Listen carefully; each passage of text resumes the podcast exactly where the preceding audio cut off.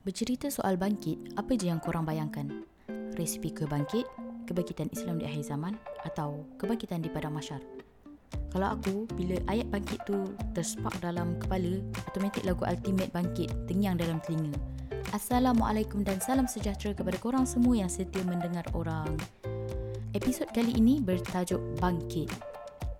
Aku akan baca sedikit perenggan dan beberapa rangkap lagu daripada Ultimate Bangkit juga sebagai selingan untuk episod kali ini. Bangkit bila ditolak, jatuh bangunlah semula. Bangkit bila diluka, nanti pulihlah semula. Bangkit biar bersusah dulu, nanti senang semua. Sakit pada luka, kan pulih semula. Bangkit. Bangkit. Bangkit di luar dari zon selesa kita tak pernah sesenang kacang. Dia macam makan siput sedut yang jika kita bernasib baik, mungkin sekali kita sedut terus dapat siputnya. Kalau nasib kita kurang baik, kemungkinan kita tersedak akibat siput yang terlekat di kerongkong atau siput langsung tak keluar dari cengkerang. Tu je.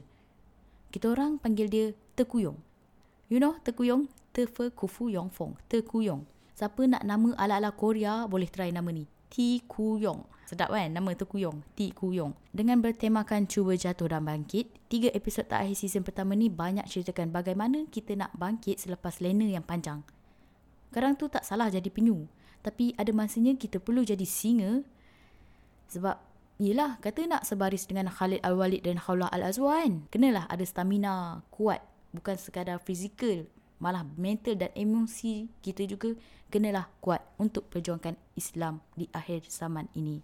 Keris dulu dalam tangan sekarang dalam otak. Paling tajam tak perlu hunus keluar tengkorak. Catur congak cukup sebelum langkah diorak.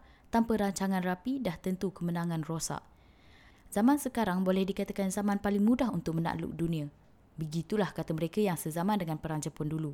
Even mak ayah kita yang dikenal sebagai baby boomers pun mengiyakan bahawa sekarang ni terlalu banyak akses dan peluang. Semuanya dah ada depan mata, tinggal rajin dengan malas saja. Pepatah dulu selalu cakap, orang malas selalu rugi. Tapi depends lah kan. Sebab dengan wujudnya orang malas ni tadi, banyak inovasi tercipta. Antaranya adalah mesin, sistem delivery, kereta, TV dan segala macam jenis penciptaan dan perkhidmatan dalam dunia hari ini adalah hasil tangan dari mereka yang malas tapi bijak mengambil peluang. Jadi bila kita ada mood rajin untuk menyumbangkan nama kita dalam membentuk peta daulah Islamiah ni tadi, biarlah berilmu. Ilmu tanpa amal, bak kata pepatah Arab, ibarat pokok tak berbuah. Ditanam sekadar hiasan untuk mencantikkan alam. Ambil syarat tanam pokok tanpa tahu sama ada ia bermanfaat atau tidak itu sangat berbahaya. Silap hari bulan pokok yang kita tanam tu tadi tidak boleh menghasilkan oksigen tapi karbon monoksida atau racun yang berbahaya. Siapa tahu kan? Dalam membangkitkan diri kita, negara atau apa sahaja pengusahaan kita untuk bangkit semula, keperluan pada ilmu itu sangat tinggi. Ada hadis juga mengatakan, kalau nak akhirat kena ada ilmu, nak dunia pun kena ada ilmu. Even nak kejar kedua-duanya ni pun tadi kena ada dan mesti ada ilmu. Ilmu yang membawa rahmat adalah ilmu yang bermanfaat bagi umat. Ilmu yang membawa berkah adalah ilmu yang mampu menggugah untuk hidup lebih terarah. Ilmu yang membawa hidayah adalah ilmu yang dapat mengubah seseorang dari jalan yang gelap menuju jalan yang terang. Manakala ilmu yang membawa cahaya adalah ilmu yang mengantarkan pemiliknya menuju kebahagiaan dunia akhirat.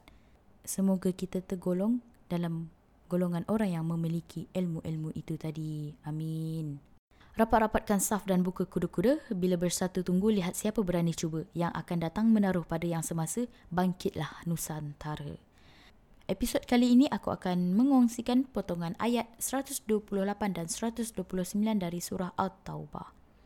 لقد جاءكم رسول من أنفسكم عزيز عليه ما عنتم حريص عليكم حريص عليكم بالمؤمنين رؤوف رحيم.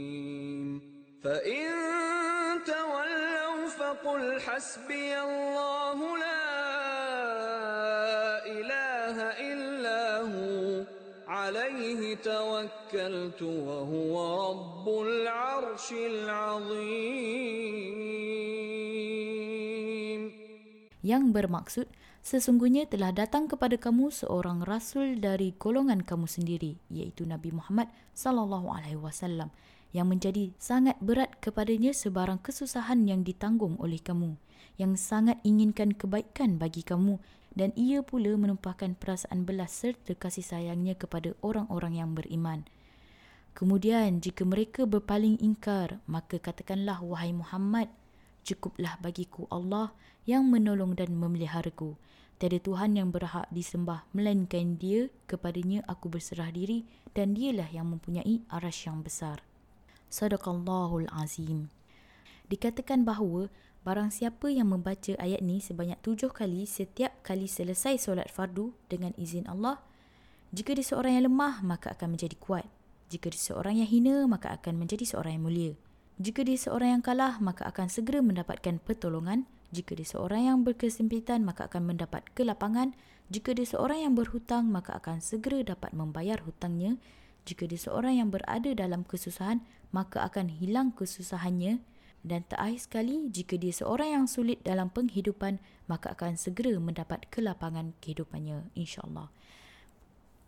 Jadi, teman sekalian, bila kita terasa diri lemah tanpa seorang kawanan yang menyorakmu dari belakang, ingatlah ayat ini.